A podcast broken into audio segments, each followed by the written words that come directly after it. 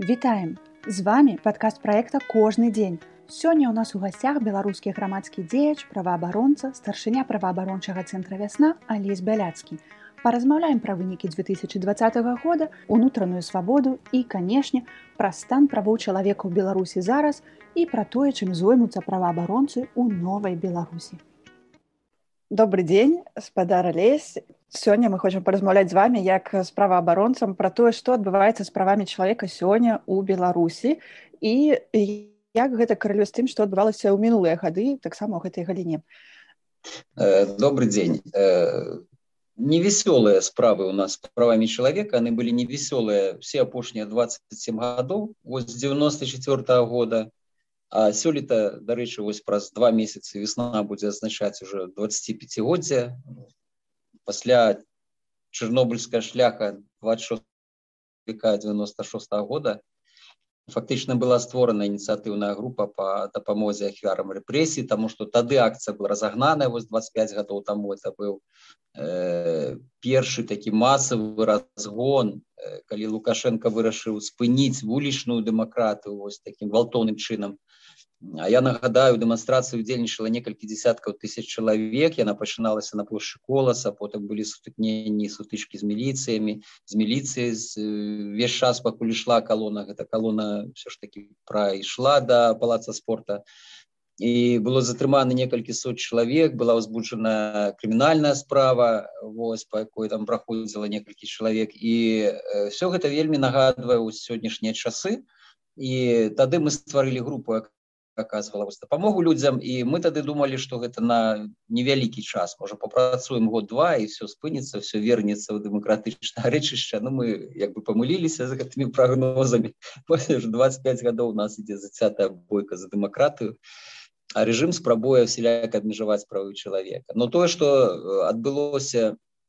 2020 годзе вось з пачаткам выбараў гэта цяжка чым параўнаць аднаго боку самі паводзіны ўладу яны вельмі нагадваюць ранейшыя там скажем так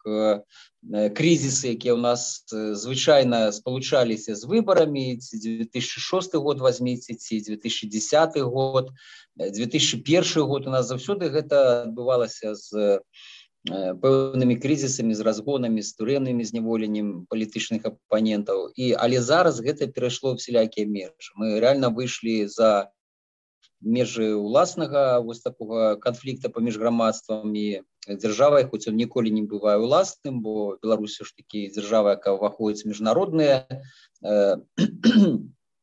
супольнасці. Мы з'яўляемся сябрамі ан мы з'яўляемся сябрамі абсе у гэтых э, Э, рамках Беларусь брала на себе міжнародная абавязательнасць абязальніцтвы ў галіне захавання правоў чалавека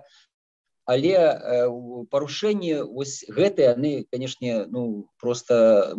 ставяць нас у адзін шэраг з такими злымі тоталітарнымі режимамі і крызісамі якія адбываліся ну 70 гады ў лацінскай Амерыцы дзе-нибудь учылі напрыклад ці в Аргенціне Вось, тому что э, у нас ёсць забіты у нас десяткі тысяч людзей былі збіты тысячи былі параненыя. Э, былі э, было ўжыта просто э, злачынства супрацьчалавечнасці з боку сілавых структураў беларусі і явно з э, дазволу беларускіх уладаў. Это загаду беларускіх ладаў все рабілася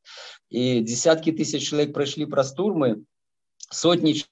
як зараз сядзяць іх абвінавачваюць у крымінальных злачынствах кагосьці судзілі кагосьці хтосьці ў працэсе знаходзіцца хтосьці ввогуле сядзіць не ведае калі это скончыцца атрыманне такія палонныя фактычна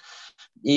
гэты вот безмежжа гэта прававое разгарнулася у апошнія 7-8 месяцаў но просто ну реально найвялікшая хіба што і в апошнія десятгоддзі во ўсёй Еўропе. Вось з такими крызісамі ну цяжка что-нибудь параўнаць вось хіба што што вось это войны лакальныя якія адбываліся там якія таксама прыносіліся багата пакутаў але там прынамсі дзяржава не знушчалася не здзекавалася са сваіх грамадзянаў так як это у нас адбываецца сёння практычна кожны дзень Таму мы знаходзімся ў стане зацяжнога грамадска-палітычнага крызісу мільёны людзей не згодныя з гэтай сітуацыяй адбылася ў нас падчас выбараў пасля выбараў яны пратэстуюць супраць фальсіфікацыі выбараў яны пратэстуюць супраць гвалту яны патрабуюць э, нармальных выбараў нармальных адносінаў уладаў да народу яны патрабуюць пакарання злачынцаў якія бралі ўдзел у гэтых масавых злачынствах у беларусі это сапраўды злачынствы вось у нас такого не адбывалася на нашай тэрыторыі уже 70 гадоў часоў сталіна. Ось у нас не адбывалася то что адбывалася адбываецца цяпер. І э, тым не менш э, воля народа сутыкаецца з жаданнем правячых колаў вось гэтай э, хунты вось інакш цяжка назваць якая абапіраецца на штыкі зараз на гвалт на сілавыя структуры э, утрымаць уладу любым чынам Вось таму у нас такі класічны як бы крызіс вось ідзе барацьба за правы чалавека за дэмакратыю мяне вельмі э, захапляе то што ў гэтай барацьбе бяруць удзел не толькі э, невялікая колькасць там грамадскіх актывістаў ці праваабаронцаў у нас ну не так багата десяткі сотні тысяч людзей бяруць удзел у этой барацьбе яна дае вот это як бы маштабы гэтай барацьбы даюць спадзеў што мы все ж таки даб'емся лепшых зменаў у нашай гісторыі прычым у хуткім часе я вам все рассказал Вось вы казалі пра параўнанне з часамі сталінскіх рэпрэсій таксама ў іншых інтэрв'ю вы казалі пра паняцце гуманітарнай катастрофы. Ці слушнае гэта параўнанне сапраўды са сталінскімі рэпрэсіямі што вызначае наогул рэпрэсіі і што вызначае наогул гуманітарную катастрофу якія чыннікі вось даюць нам э, магчымасць менавіта так класіфікаваць тое што адбываецца зараз гэта все параўнанне вядома яны патрабуюць больш глубока аналізу это параўнанне больш такі эмацыйныя мае но яны маюць рэальную падставу тому что мы маем справу з масавым парушэннем правоў чалавека мы маем справу з масавай такой пацыфікацыяй людзей практычна ні за што па прыкмеце часам памоўнай прыкмеце па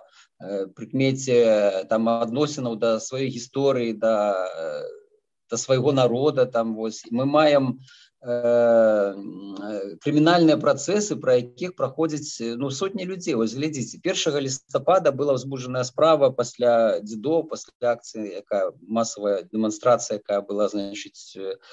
прымеркавана да дзядоў была збуджана справа па якой праходзіць больш за 200 чалавек по адной крымінальнай справе там 260 здаецца з нечым чалавек было абвешчана што праходзіць по этой крымінальнай справе ў якасці падазроных такія масавыя працэсы у нас былі толькі ў 50 годы. Супраць моладзевых э, беларускіх падпольных арганізацый такі як саюз там вызвалення беларусі чайка вось этой моладзевай арганізацыі якія там спрабавалі адстойваць правы беларусаў спрабавалі не гаварыць пра то што Беларусь варта там сваёй гісторыі што беларусі знішаецца мова мы мусім захоўваць сваю мову настойвалі нейкія нацыянальныя інтарэсы это дзеці былі в асноўным в гэтых арганізацыях там студэнты педвучэльняў вось 18 19 20 гадоў вось яны былі разгромленыя тады десяткі людзей былі асуджаныя на вялікія тэрміны і нават кіраўнік вот смаргоньскай групы Э, Расіслав лапіцкі быў расстраляны ў 52 годзе под этим чырвона-зялёным сцягам дарэчы якім яны хваляцца что вот ён у нас такі чысты так вы людзей под ім расстрэльвалі яшчэ 52 годзе Вось і з тых часоў ну таких у нас не было справы мы бачым вось гэта падабенства калі зноў жа тысячи людзей тады ссылаліся пераследаваліся зараз тое самае адбываецца людзей выціскаюць паглядзіце за апошнія месяцы десяткі тысяч беларусаў вымушаныя былі э, у мэтах бяспекі выехаць з беларусі э, разгромлены цэлыя арганізацыі такія як за адзіночанне беларускіх студэнтаў калі вся рада там ці хто сядзіць турмеце хтосьці вымушаны быў тэрмінова выязджаць з беларусі арганізацыя знішчана мод называя да кашчым это параўнаць як не со сталінскімі часамі э, так натуральна что тады давалі по 25 гадоў стрэлялі зараз все ж таки уже іншае як бы пакаленне іншая сітуацыя вакол беларусі уже таких тэрмінаў мы не бачым. Но мы бачым асноўныя прынцыпы знявагі справа знявагі са справядлівасці. Апошнія прысуды вось берасцейскі прысуд по Э, э, по курдзюкову якому далі 10 гадоў толькі за то что он быў сведкам забойства свайго сябра. Вот это ожидание схваць правду от людзей жаданне э, ігнараваць фактычна людскія інтарэсы і права якое зараз не працуе ў нас. Яно все як бы бярэ свой пачатак і явно карэлюецца вось гэтымі э, часамі масавых рэпрэсій у беларусі якія у нас былі там 30 50 гады. Э, но я яшчэ раз подкрэсліваю что все канешне ў параўнанні бо трэба разумець что і зараз турма это не та турма якая была падчас сталінскіх сталінскія часы і нават у савецкія часы але тым не менш это все роўна парушэнне правоў чалавека это все роўна ёсць парушэнне наших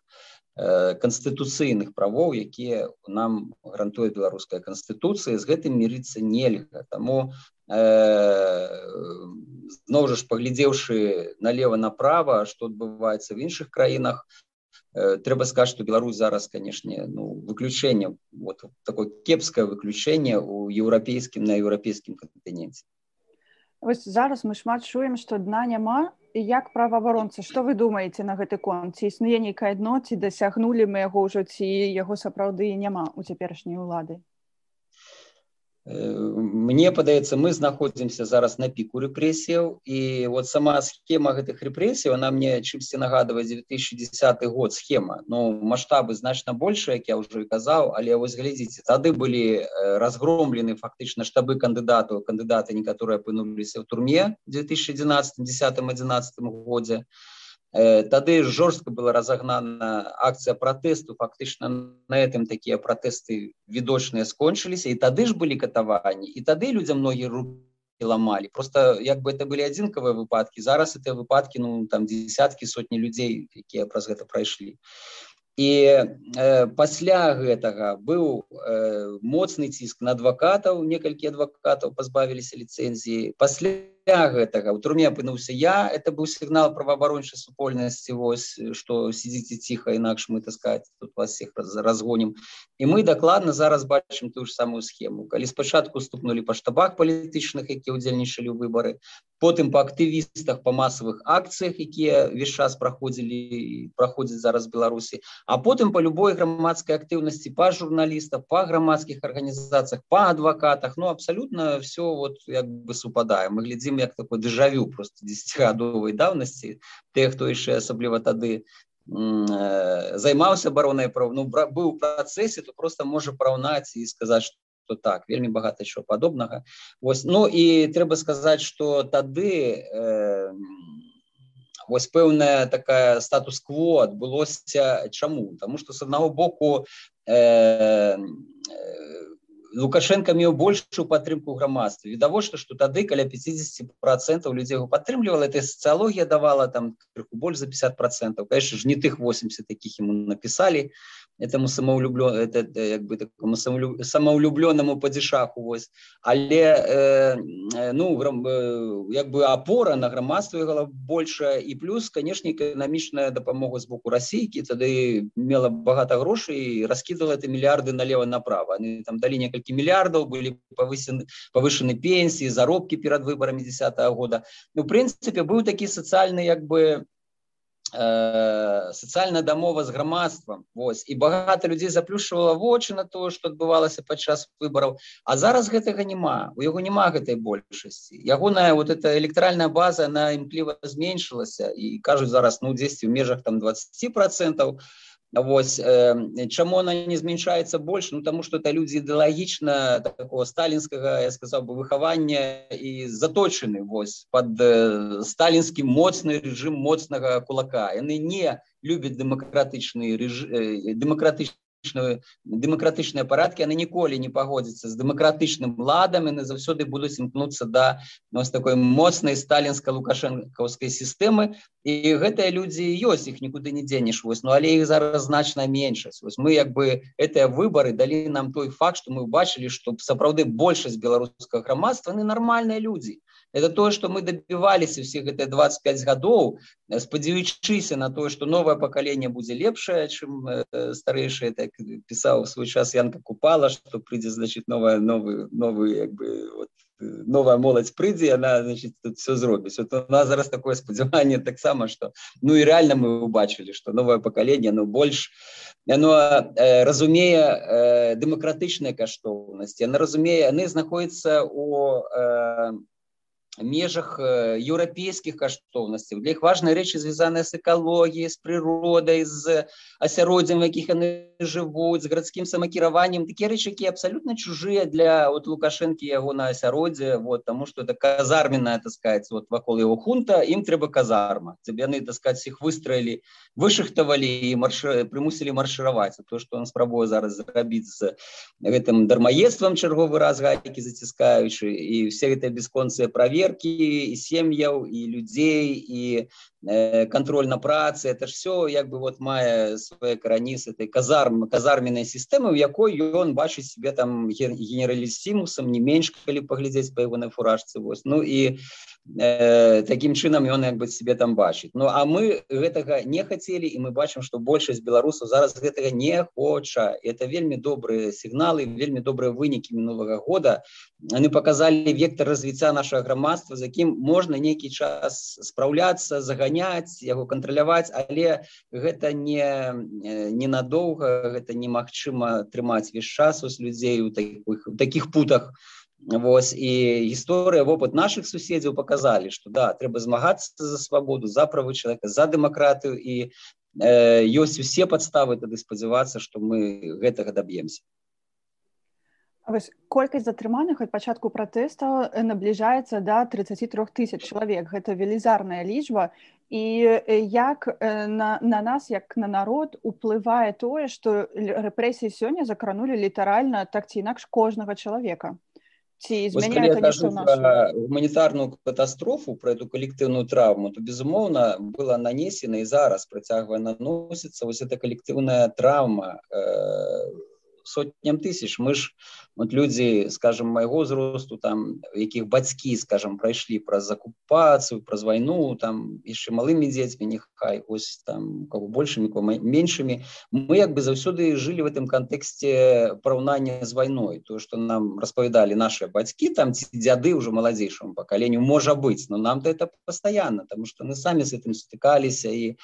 і гэта як бы запаміналася для іх это была вельмі моцна траўма якая была нанесена ў дзяцінстве якая была звязана з пагрозай для жыцця з вечным голадам з тымі жахамі якія яны перажылі падчас войны вось то зараз і гэта заставалася ў гісторыі Беларусі. Это заўсёды было скажем так. Но гэта пакаленне ўжо зараз адыходзіць і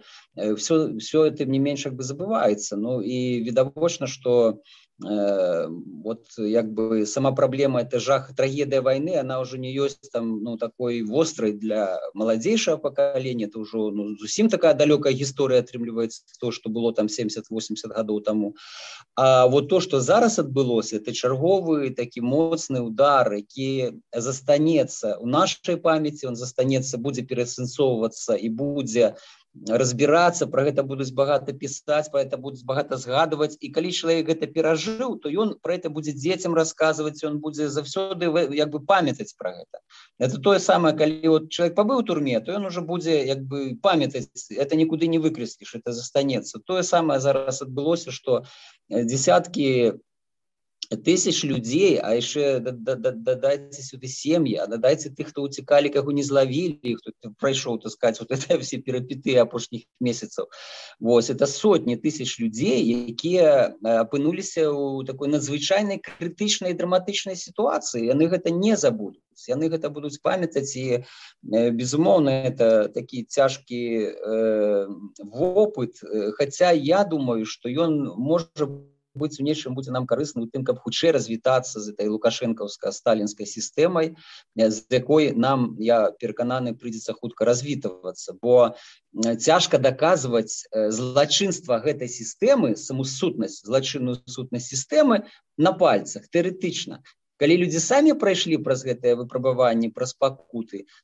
яны самі будуць дабівацца і пакарання злачынстваў і правядзенне э, нармальнага судовага разбіральніцтва па ўсіх гэтых парушэннях правоў чалавека чаго мы дабіваемся на чым будзем настойваць столькі колькі мы будзем займацца праваабарончай дзейнасцю Вось і гэта важны калектыўны вопыт для Э, дальней далейшага пабудовы нармальнага дэмакратычнага усладу які у нас мусіць быць які будзе думаю таму мы перажываем драматычныя часы ну яны не пустыя яны не дарэмныя гэтыя часы. Вось вы кажаце пра это траўматычны вопыт таксама заключення і на жаль такі вопыт у вас у самога таксама ёсць. Як вы лічыце што паўплывала наогул на ваше вызваленне і вось у сувязі з падзеямі сённяшнімі наколькі нейкі знешні палітычны ціск на ўлады можа паўплываць на вызваленне палітзняволеных сёння?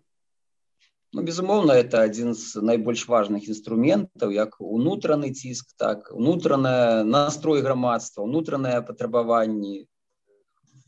вызвалення палітычных зняволеных так і знешнія інструменты яны былі звязаныя тут няма що хаваць санкцыямі якія былі ўведзены ў адзінацатым годзе і палітычныя і эканамічныя санкцыі тады. Адразу ж прывялі да таго што большасць палітычных зняволеных беларусій была выпушчана ў жніўні верасні 2011 года. Засталося некалькі чалавек Ну я в тым ліку вось тому что мне як бы пасадзілі в апошні вагон можна сказаць я ў жніўні 11 года быў арыштаваны вось і калі людзі уже па некалькі месяцаў месяцаў там сидзелі спачатку 11 з конца 10 пачатку 11 года.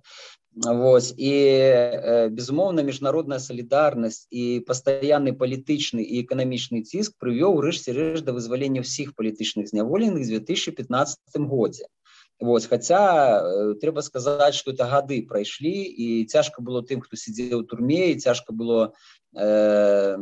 чакаць нейкіх зменаў от беларускіх ладаў якія казалі не не у нас палі зняволеных няма у нас я значит там крымінальнікі крымінальшчыкі яны там тое парушалі гэта парушалі але тым не менш яны вызвалілі ўсіх у 15 годзе Ну і пачаўся перыяд вось такого адноснага пацяплення мы добра памятаем яго які цягнуўся да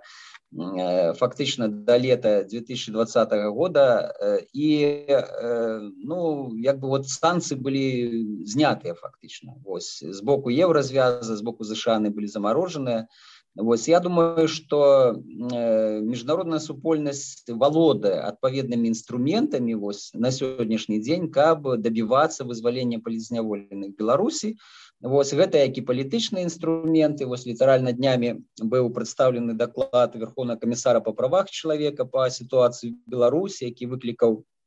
э, спрэчкі актыўныя. І десяткі дзяржаў десяткі прадстаўнікоў розных дзяржаў выступалі крытыкавалі беларускія ўлады вельмі жорстка крытыкавалі за сітуацыю з правамі патрабавалі вызвалення палітычных зняволеных спынення рэпрэсій у беларусі там было сказана вельмі багата що добрага і ў гэтым дакладзе і э, вот такія дзеянні яны безумоўна думаю прывядуць до того что у нас все ж таки рэпрэсіі быў спынены потому что мы живем все ж таки 2021 стагоддзе і мы живем у таким асяроддзі э, да з аднаго боку у нас аўтарытарная Россия і мы выдатна разумеем что калі б не падтрымка Пуціна Пуціным лукашенко то ўжо б сітуацыя у нас змянілася вось у плане змены ўлады і Вось, що толькі падтрымка палітычная эканамічная вайсковая падтрымка дае магчымасці этому рэжыму беларускаму так доўга трымацца але з другого боку у нас Европа з другого боку. Мы суседнічаем з еўрапейскім звязам это вельмі важно тому что э, прынцыпы э, захавання правоў чалавека еўрапейскім звязі яны дастаткова высокія і у для іх гэта таксама прынцыповая рэч пры стасунках з іншымі дзяржавамі як сваімі соседзямі так і ввогуле ва ўсім свеце Таму ідзе барацьба такая і міжнародная Э, супольнасць дэмакратычная на, на нашым баку але ну, мы выразна павінны разумець што беларускія справы павінны рабіцца беларускімі рукамі і ад беларускіх грамадзянаў не ад адзінак там нас там праваабаронцаў толькі і не толькі ад журналістаў залежыць сітуацыю беларусі яна залежыць ад усіх нас. Таму трэба не складаць руки трэба далей працягваць дабівацца э, паляпшэння сітуацыі ў беларусі ў галіне правоў чалавека І вось вы кажаце пра тое, як заклапочныя міжнародныя супольнасці, якія рухі адбываюцца ў гэтым накірунку, але тым не менш прадстаўнікі ўлады едуць у Жэневу і УАН, напрыклад, таксама кажуць пра тое, што э, няма ў нас ніякіх рэпрэсій, няма ў нас нейкіх палітычных зняволеных і вось іх тым не менш слухаюць. І ўзнікае такое пытанне, чаму і як так адбываецца, што іх працягваюць таксама слухаць і наколькі это таксама ўплывае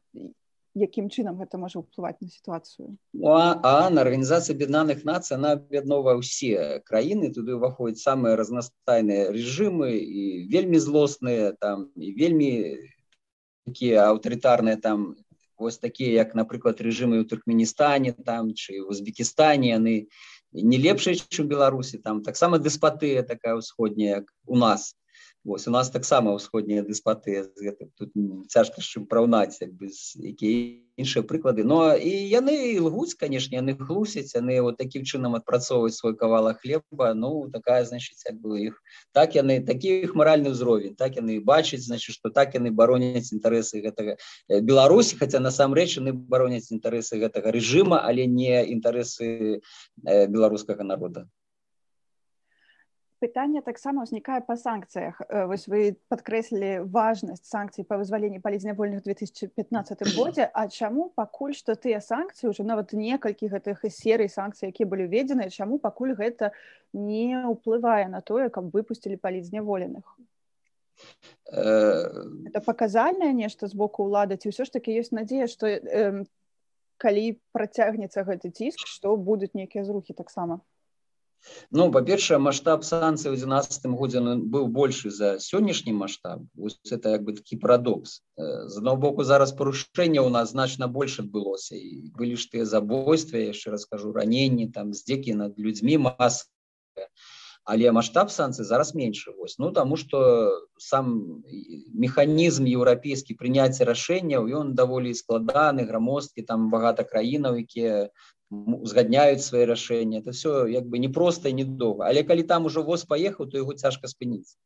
і тут я думаю что ён набірае абароты улічваючы што беларускія улады працягваюць ціснуць на беларускае грамадства працягваюць масава парушаць наши правы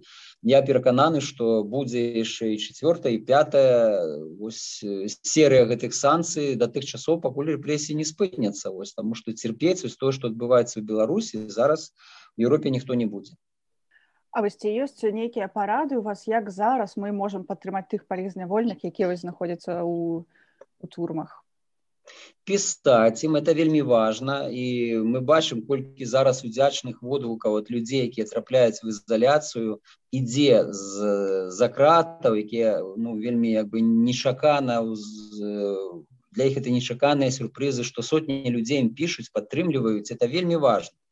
Вось, калі десяткі лістоў людзі атрымліваюць ад самых незнаёмых людзей это заўсёды э, падтрымлівае маральна вось, э, наших э, палітычных зняволеных тых хто апынуўся ў крытычнай сітуацыі важна падтрымліваць сем'і вось таму што сем'і таксама апынуліся і ў цяжкіх матэрыяльных становішчах і ў маральным становішчы таму калі ёсць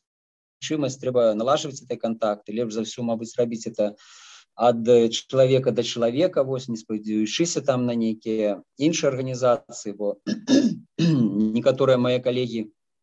те якія займаліся дапамогай зараз сядзяць турме мы ведаем што зняволенні знаходзіцца журналіст таксама Андрей александров вось олег корбан грамадскі актывісты якія дапамагалі менавіта палітычным зняволеным э, збіралі грошы на іх дапамогу нейкім такім чынам вось ішла это дапамогу там дапамагайце наўпрост это самый як бы мне здаецца эфектыўны просты спосаб вось тому что зараз у нас палізняволена есть ёсць ну не большасці беларускіх гарадоў і раёнаў скажем так. Зараз ёсць свае героі іхнія сем яны патрабуюць такой дапамогі Вось і это вельмі важно. Тады людзі могуць перанесці калі ты адчуваеш гэту дапамогу ліст і калі ты ведаеш што цябе падтрымліваюць то ты можаш перанесці багата чаго Вось я напрыклад сидзеў вельмі спакойна тому что там мне прыходзілі десяткі сотні лістоў з усяго света. Люди писали не здавайся не, не опускай руки лезь мы с тобой и это была вельмі моцная маральная падтрымка якая ну мне дазваляла даволі э, стойка пераносіць ты значит вот э, нязгоды не, не звязаныя са зняволеннем на ваш погляд вось якія правы сёння наогул засталіся ў беларусаў? У гэтым кантэксце калі не да законаў як я думаю, что мы повинны все ж таки не э, зваж... ну як бы не зважаць багата на тое у чым нас абмяжоўваць мы заўсёды павінны э, як бы сыходзіць з таго что нам дае наша канстытуцыі міжнародныя пагадненні якія да Беларусь якія звязаныя з правам на выказванне думкі з правам на э, свабодныя мірныя сходы з правам на свабоднае аб'яднанне з правам на справядлівыя выборы і мы павінны дабівацца гэта мы павінны настойліва добиваться гэтых правоў это то что нам дадзена ад можна сказать от природы. Вось і ніякі режим не мае права абмяжоўваць парушаць гэтыя наши правы. Вось і чалавек вольны настолькі наколькі ён сам вольны ён можа быць вольны у турме сидзячы ён можа быць і ў няволі загнаны ў страху на волі як бы вось калі ён сяго боится там і боится там голас падаць. Унутраная свабода это самое галоўнае что самое каштоўнае что ёсць у нас і яе забраць ніхто не можа. Давайте і цаніць давайте шанаваць давайте і адстойваць. Вось калі мы гэта будзем рабіць супольна тады мы доб'емся я перакананы мы доб'емся станоўчых зменаў нашым грамадстве для ўсіх А вось што тычыцца цяперашняй судовай сістэмы і таго, як у прынцыпу праваабарончай арганізацыі не могуць нармальна выконваць сваю працу вось у гэтай сітуацыі, якія механізмы канкрэтна ёсць зараз у беларусаў, каб неяк бараніць гэтыя правы, калі мы кажам не пра ўнутраную свабоду, а вось пра свае канстытуцыйныя правы, напрыклад. Ну, на жаль, На жаль, судовая сістэма зараз не працуе. Гэта называецца прававым дэфолтам, калі яна цалкам выконвае палітычныя загады ось этой клікі лукашэнкаўскай і людзям даюць тэрміны як быццам бы мы чарапашкі, значыць і жывем будзем жыць па 300 гадоў. Вось, і ніхто не глядзіць сказать на на закон. Вось. і галоўная задача ўладаў зараз збіць грамадскую актыўнасць вось этими суровымі і несправядлівымі прысудамі а суды не выконваюць свае ролі Таму это реально зараз не тая установа якая будзе бараніць наш нас там і наши правы. Но тым не менш важно конечно адчайная і адважная праца адвакатаў под этих судов падчас этих судоў тому что яны з'яўляюцца і сведкамі і удзельнічаюць працэсе фіксуюць вось тыя парушэнні ў сваіх выступах якія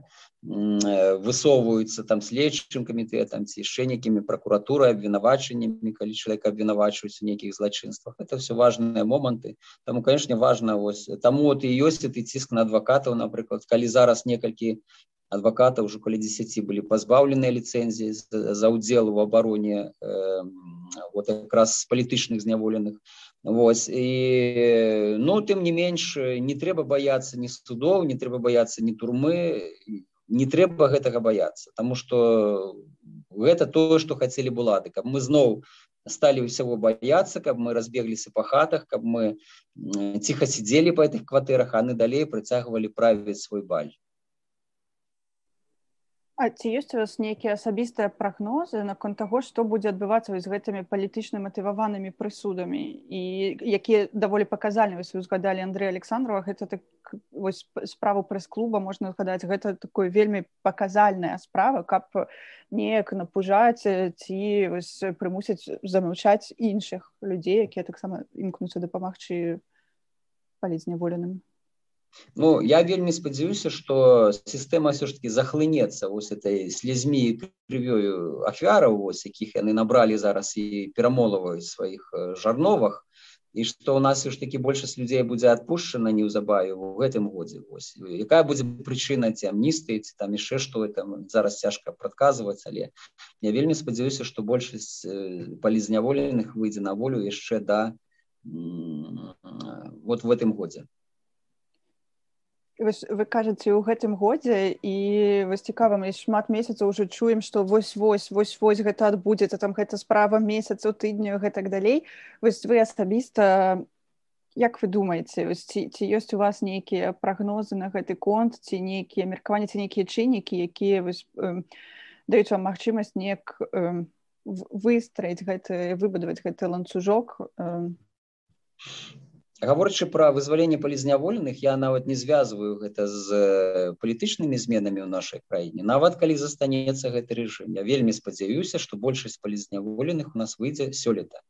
Вось это рэчы як бы вот, для мяне здаецца ясна если будзе далей працягвацца міжнародны ціск калі будуць узмацоўвацца эканамічныя санкцыі калі будзе ціск унутраны лады нікуды не дзенуцца на будуць вымушаныя выпусціць палізняволеных Вось і яшчэ раз нагадываю што в 11 годзе это уже так было. Вось. і э, што тычыцца агульных зменаў ну гэта не можа прадказаць ніхто хіба што толькі сам пан Бог. Я не Бог там я, я, я думаю ну прынамсі гэта відавочна што зараз відавочна што гэтыя змены адбудуцца тому что яшчэ год таму ніхто ввогуле ніякіх прагнозаў не мог сказаць што будзе з беларускім грамадствам з нашай дзяржавай з намі там праз 5 праз 10 гадоў. Зараз мы все лічым сапраўды на месяцы у крайнім выпадку там на год полторы вось но это вось той час транзіту Я думаю калі у нас все ж таки адбудуцца і змены палітычныя вельмі сур'ёзныя А вось у параўнанні з папярэднімі гадамі ці больш людзей зараз звяртаецца да праваабарончых арганізацый ці можна сказаць што павысілася нейкая вось як кажуць часта пра меды граматнасць да? І вось праваабарон у права... што грамадства больш падкаванае ў пытаннях праваабарончых арганізацый іх дзейнасці. Ці ба... ці бачыце вы нейкія зрухі Ну в звязку с этими надзвычай вялізнымі рэпрэсіямі, то безумоўна колькасць людзей, якія звярталіся да нас, она вырасла там разы. У нас тысячи зваротаў былі кожны працягваюць ісці да нас кожны месяц. Вось і ў жніўні верасні кастрычніку мы ўвогуле там все наши телефоны они не змаўкалі все наши электронные пошты там соцсетки были забиты такими зворотами мы дапамагали як могли далёка не все что мы там могли зрабіць мы рабілі но что могли то рабілі скажем так. І гэта напружаная ситуация нас застаецца мы працуем зараз як ты дактары падчас ковіда як бы без выходных без прахадных і таксама пэўным сэнсе двукосці хварэючы калі вось адбываецца гэтыя вопшукі на офісах на прыватных э, памяшканнях наших калі наших сяброў арыштоўваюць і возбужаюцца крымінальныя справы супраць праваабаронцаў. Это все ёсць і з гэтым мы маем ось зараз справы но тым не менш мы працягваем сваю справу бо мы разумеем что яна надзвычай важная сённяшні момант і нават наши невялікія намаганні яны часам даюць вельмі добры плён. Ввогуле ўяўленне што ж адбываецца ў нас бо ўлады не хацелі б каб мы людзі ведалі грамадства ведала про то што адбываецца і в судах і з затрыманымі і э, якія маштабы гэтых рэпрэсій ну тым не менш наша праца якраз ёсць у тым каб даць гэтую інфармацыю людзям даць эту інфармацыю грамадству і па магчымасці дапамагчы дзе парадай дзе напісаць заяву дзе напісаць зварот дзе скаргу написать вот это то чым займаюцца наши юрысты наши волонцёры там что сотни людзей зараз дапамагаюць весне. Мы ніколі б не справіліся с тым аб'ёмам працы які зваліўся на нас у гэтыя месяцы калі б не наши э, дарагія волонцёры вось это і юрысты это просто людзі якія моніторыць суды якія дапамагаюць там розных нам іншых э, праблемах і турботах То бок нельга сказаць, што праца праваабарончых арганізацый сёння паралізаваная, нават калі ўладзе вельмі б хацелася, каб гэта было праўдай. Ну пакуль што не да в любом выпадку нават калі сабе ўявіць што нас всех перасадзяць у турму то само знаходжанне праваабаронцы ў турме это ёсць працяг нашай працы тому что это ёсць такі не мы выклік ўсёй дзяржаўнай сістэме бо калі ў турме сядзяць журналісты праваабаронцы значыць эта дзяржава что-то е з галавой зрабілася значит ненармальная Вось, і гэта все ведаюць это все азначаюць і ніхто з такой дзяржавай нармальна бы руки не падасць нармальных краінаў Таму по-любому якім бы мы стане не знаходзіліся вот зараз мой сябры калега Леонид Судаленко сидзіць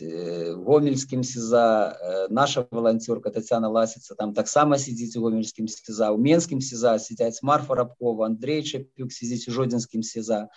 Вось э, на сутках зараз сидзіць Дмітр Салаўё наш вось і зразумела что і там сваім просто сваім сваім знаходжаннем у турме яны кідаюць вось такі выклік беларускім ладам і наша праца фактычна працягваецца мы не спыняем гэту працу калі на вас на калі нават нас э, кідаюць у турмы. Я вось калі сам знаходзіўся ў турме то думаў таксама про гэта что Э, часам калі ты нічога не робіш здаецца просто вот те трымаюць но насамрэч эфект от твайго гэтага нічога не раблення он больше чым бы ты на волі знаходзіўся і штосьці там рабіў скажем пісаў выступаў ці камусьці дапамагаў таму эфект нашай працы праваабарончай он не менш высокі можа быть нават больш калі мы вот трапляем у турму што наогул вас трымае ўжо столькі год 27 год займацца гэтай справай і не апускаць руки і працягваць таксама аддана працаваць на гэтым праваабарончым поле у беларусі Ну калі мне было 18 гадоў то мы марылі что можа быть калі нам будзе по 60 то мы дожывем до незалежнай беларусі ну ось и это наши мары были такія вельмі далёкія і нам здавалася что это ну самое то. Ну я вот неяк выбудаваў свое жыццё таким чынам завёўшы ты так сказать мотор да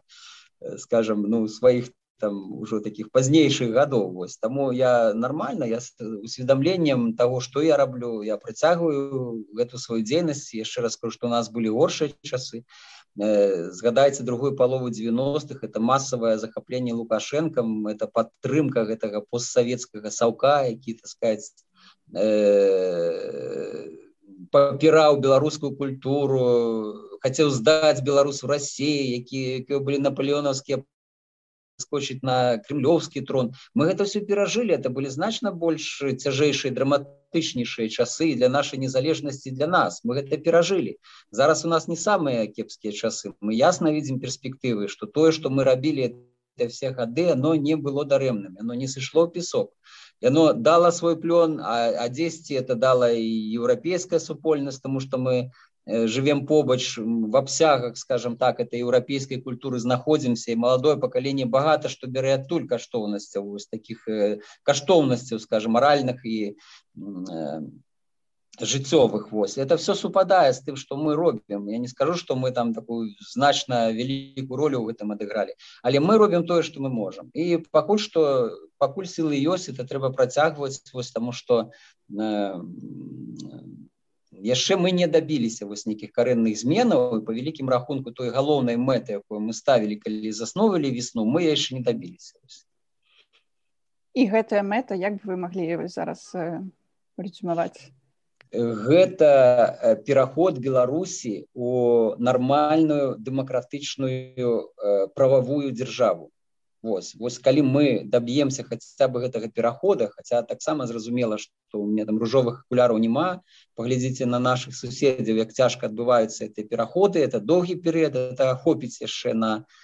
жыццё цэлага пакалення вось этих зменаў скажем это транзіту. Але тым не менш важно ну, як бы заслупіць важно сысці з гэтага от э, ганебнага шляху по якім зараз вядзе нас беларускі рэжым і стаць на нармальныя рэйкі здаровыя рэйкі і вось калі гэта адбудзецца вот тады можна будзе сказаць что мы сваю місію асноўную місію выканалі но тым не менш ясна что э, транзит ён заўсёды вот выклікае пэўныя складанасці і тут будзе багата інтарэсаў замешана і ў Росіі аўтарытарная ўлада пакуль ёсць это будзе заўсёды пагроза для дэмакратыі для правоў чалавека ў беларусі заўсёды будзе э, магчымасць гэтага рэваншу скажем які э, можа адбыцца вось э, рэакцыйнага рэваншу вось это заўсёды это пагрозы яны будуць існаваць вось таму жыццё не будзе гладкім што вот калі лукашенко сыдзе адразу настане ўсё добра. Не так не будзе. Здаецца што беларусы да гэтага гатовыя таму што такі вельмі рэалістычны погляд на гэтыя змены мы шмат пра гэта чуем зараз пра тое што нам трэба рыхтавацца пасля перамогі не да таго каб адразу вось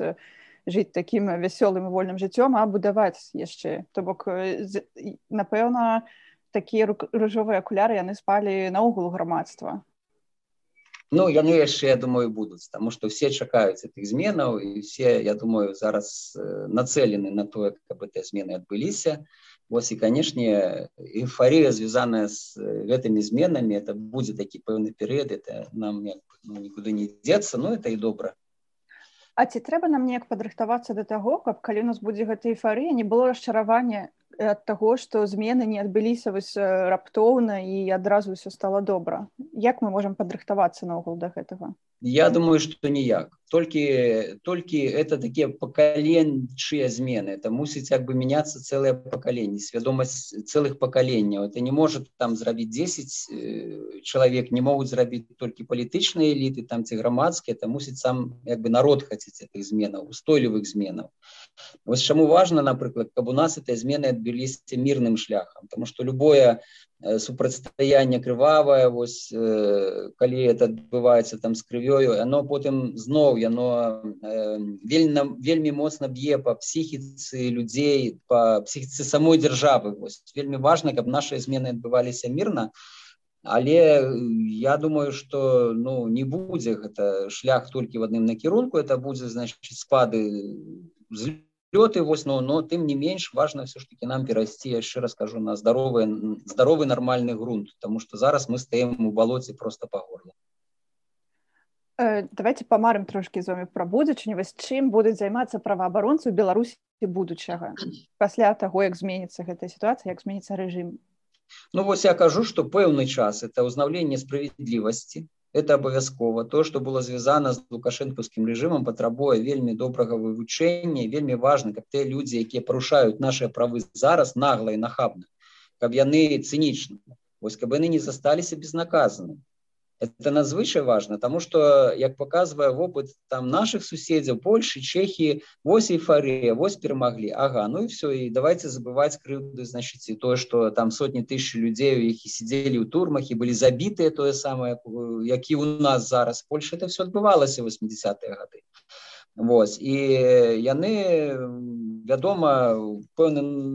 пэўнай ступені правялі так сказать вось эту працу по асэнсаванні по вяртанні справядлівасці в адносінах і рэпрэсаваных там і в адносінах тых хто ўжываў этой рэпрэсіі але тыя працэсы былі не, не, не зробленыя так я сказаў бы ну хораша прынамсі яны багата хто скардзіцца на тое что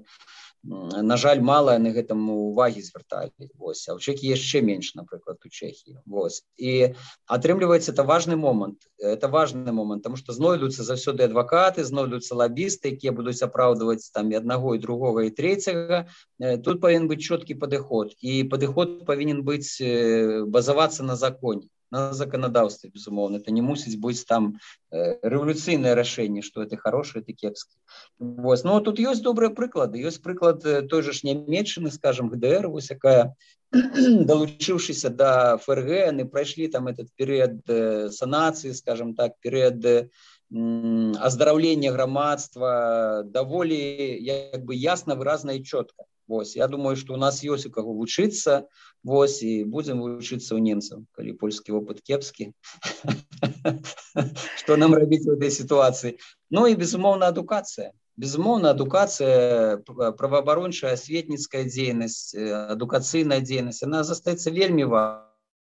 у нас застаюцца пытанні і смяротнага пакарання і нават калі яго заўтра адменяць роўна там трэба праводзіць адпаведную працу будзе з людзьмі з моладдзю тлумачыць ім каштоўнасць правы чалавека тлумачыць што за правы чалавека трэба змагацца кожнаму пакаленню это не бывае так что их дали раз и назаўсёды это мусіць быть просто ў крыві кожнага. Вот это вот выхаваўчая асветніцкая праца у праваабарончай галіне она надзвычай важна. Мы мусім дапамагаць нашаму грамадству быць гуманным заставацца гуманным і будаваць гуманнае грамадство вот это галоўная задача будзе праваабаронцаў я думаю у этой пост э, лукашэнкаўскі перыяд ну і таксама у нас ж э, разбураная вот эта сістэма правасуддзя у нас багата што не працуе з все што звязанае са справядлівасцю скажем з магчымасці людзей адстаяць свае правы там судах у дзяржаўных органах. Тут таксама наша думаю на першым этапе асабліва кансультацыйная роля будзе вельмі важной этот і трэба будзе адбудаваць э, сістэмы обороны э, правоў чалавека дзяржаўна якія ёсць у іншых краінах я маю на увазе э, сістэму обороны праз омбудсмена вось якіх можа быть некалькі там по розных правах правах дзяцей правах там жанчын правах інвалідаў правах ввогуле ўсіх правах. Вось адным словам праваабаронцам пэўна што будзе чым займацца і э, я думаю что э, вот я як бы так гляжу трошку наперад что э, лёгкага жыцця нам не будзе тому что заўсёды будуць знаходзіцца палітычныя сілы якія будуць нас папікаць у тым что мы робім штосьці не так. То бок выклікаў нам хопіць яшчэ на некалькі пакаленняў праваабаронцаў. Пэўна пэўна. Есть мне для вас невялічкі такі бліц і кароткія пытанні вось давайте паспрабуем паглядзець. Гага ці суду новай беларусі суду новой беларуси. Чаму э, это короткие пытания. Але напрошваецца удакладнение ну потому что система международная вось як бы э, пераследую злачынства яна на жаль не дасканалая она не такая вельмі непаваротлівая ось она не может даць хутка эффекта. Нам трэба нормальное масштабное расследаванне і вельмі важно каб это адбывалася в самой беларусі Вось таму не перакрэсліваючы ні ў якім выпадку міжнародную сістэму вось а нам трэба вступаць раду Еўропы нам трэба падключаць міжнародны суд па правах чалавека да кожнага грамадзяніна Беларусі каб ён мог бараніць там свае правы не толькі ў нашай судовай сістэме. Але тым не менш я думаю что вот тыя злачынствы якія рабіліся ў нас у сваёй асноўнай як бы масе разбіральніцтва па іх павінна адбыцца ў нас у Беларусі як паказаць важнасць правоў чалавека прыхільнікам сённяшняга рэжыму Ну вот это складанное пытание, потому что для іх э, правы человека не з'яўляецца каштоўнасцю. Мы як бы знаходзімся пакуль што ў розных у розных мірах у розным свеце. Як знайсці ты масток, э, як перакінуць ты масток, это складанае пытанне, но не, не мае такого простага адказа. Вось і вельмі часта людзі, якія там выходзяць зараз ось, ну, кола прыхільнікаў, яны маюць свае карысныя інтарэсы. Яны ці служаць на дзяржаўнай службе, ці там сілавых структурах, ці маюць нейкі бізнес, які робяць дзякуючы гэтым уладам. Выдатна разумеючы што калі сітуацыя будзе дэмакратычная то яны пазбавяцца гэтых льгот прывілеяў. Яны просто карысна выкарыстоўваюць эту сітуацыю. Таму з імі размаўляць угаворамі тут наўрад ці мы можна чымсьці ўгаварыць тут хутчэй за ўсё мусіць быць такія істотныя змены якія бы пазбавілі гэтых прывілеяў. Ну і каб яны сталі нармальнымі звычайнымі людзьмі не мелі больш магчымасцю чым любы кожны грамадзянін беларусі. Вось тады яны будуць разумець нармальную мову. Я з гэтым сутыкаўся дарэчы у турме калі вот людзі якія займалі там высокія пасады пэўныя служылі в этой сістэме як яны траплялі ў турму іх пазбаўлялі всех прывілеяў і магчымасцяў вось яны станавіліся нармальнымі людзьмі от тады з імі ўжо можна было размаўляць тады яны разумелі пра што ты гаворыш твои аргументы твоя яны спрачаліся чымсьці пагаджаліся з чымсьці не но сама вот эта подлая сістэма она э, трымае дае спакусу пэўнай колькасці людзям будаваць кар'еру там рабіць рабіць свой добрабыт вось і улічваючы што людзі не ўсе моцныя багата слабых то частка людзей конечно і делать по гэтым шляху. Мы это зараз выдатна бачым там на судах вот я калі гляжу на суддзяў ці на прокурораў гэтых маладых то дзяўчынак вось прынамсі на эту вось касьянчык здаецца якая судзіла там журналістак і в іншых судах брала ўдзел. Ну тут як бы яўны выбор маральны выбор і кар'ерны выбор і размаўляць зараз які сэнзію зараз размаўляць. Калі яна уже не будзе прокурорам тады может быть і быў бы сэнс там дзе размаўляць что такое дэмакратыя для вас? Гэта э, вонкавая свабода это вонкавая свабода не толькі ўнутраная ось про якую я казаў а вонкавая что твоя свабода гарантавана что ты можешь рабіць тое что не забаронен вось это ёсць демократы. Ось дарэчы наступнае пытанне это что такое унутраная свабода як бы вы патлумачылі Ну а ўнутраная свабода гэта ёсць э, уласнае перакананне ў сваіх прынцыпах і недапушчэнне каб гэтай твае прынцыпы гэтыя вось твае межы тваёй свабоды хтосьці таптаў ламаў і туды гвалтоўна ўваходзіў выкарыстоўваючы розныя інструменты это тое что твоё тое что пры табе і тое на что ты абапіраючыся можаш як бы спакойна жыць і глядзець ім вочы спакойна ці можна сказаць што нягледзячы ні на якія ні на што у вонкавым жыцці гэтую свабоду унутраную можна захаваць. Сто процентов. Про это говорили не один э, не, не толькі я. Вось я зараз прочытаў інтэрв'ю мехасяку кабакі нашего палізняволенага яшчэ савецкіх часоў такого дысідэнта які 17 гадоў сидзеў па турмах і псіхушках то ён якраз даволі багата гаварыў про эту унутраную свабоду что ён заўсёды адчуваўся вольным чалавекам хаця доўгія гады знаходзіў зняволенні вот э, у мяне перад самым вызваленнем что вызвалілі мяне нечакана я ж абсолютно не ведаў про вызваленне спытаў адзін з афіцераў калі мы выходзілі з начной змены з прамзоны вось уже 12 ночы он пытается ну беляцкі калі будзеш на свабозе а я ему сказаў дык я і так свабодны ну як бы пожартаваў а потым подумаў что ну насамрэч я адчуваю вельмі свабодна унутрана вось таму это я думаю важно берагчы эту свою унутраную свабоду дзе б ты не знаходзіўся Пра якую Беларусь марыць сёння алесь бяляцкі вольную дэмакратычную незалежную краіну але дзе ўсё роўна будзе праца для праваабаронцаў Дякую вам вялікі за гэтую цікавую размову і за тое, што вы захоўваеце гэты аптымізм, нягледзячы ні на што. І вось гэты аптымізм без ружовых акуляраў вельмі рэалістычны тым часам. Гэта вельмі каштоўна. І за ўсё тое, што вы робіце з вашымі калегамі таксама не глядзячы вялікі. Ну да мы робім што можам, но без людзей без нашага народа мы ніхто. Таму як бы мы толькі з людзьмі. Тады будзем працягваць разам.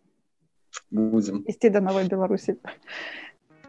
З вами быў падказ проекта кожны дзень.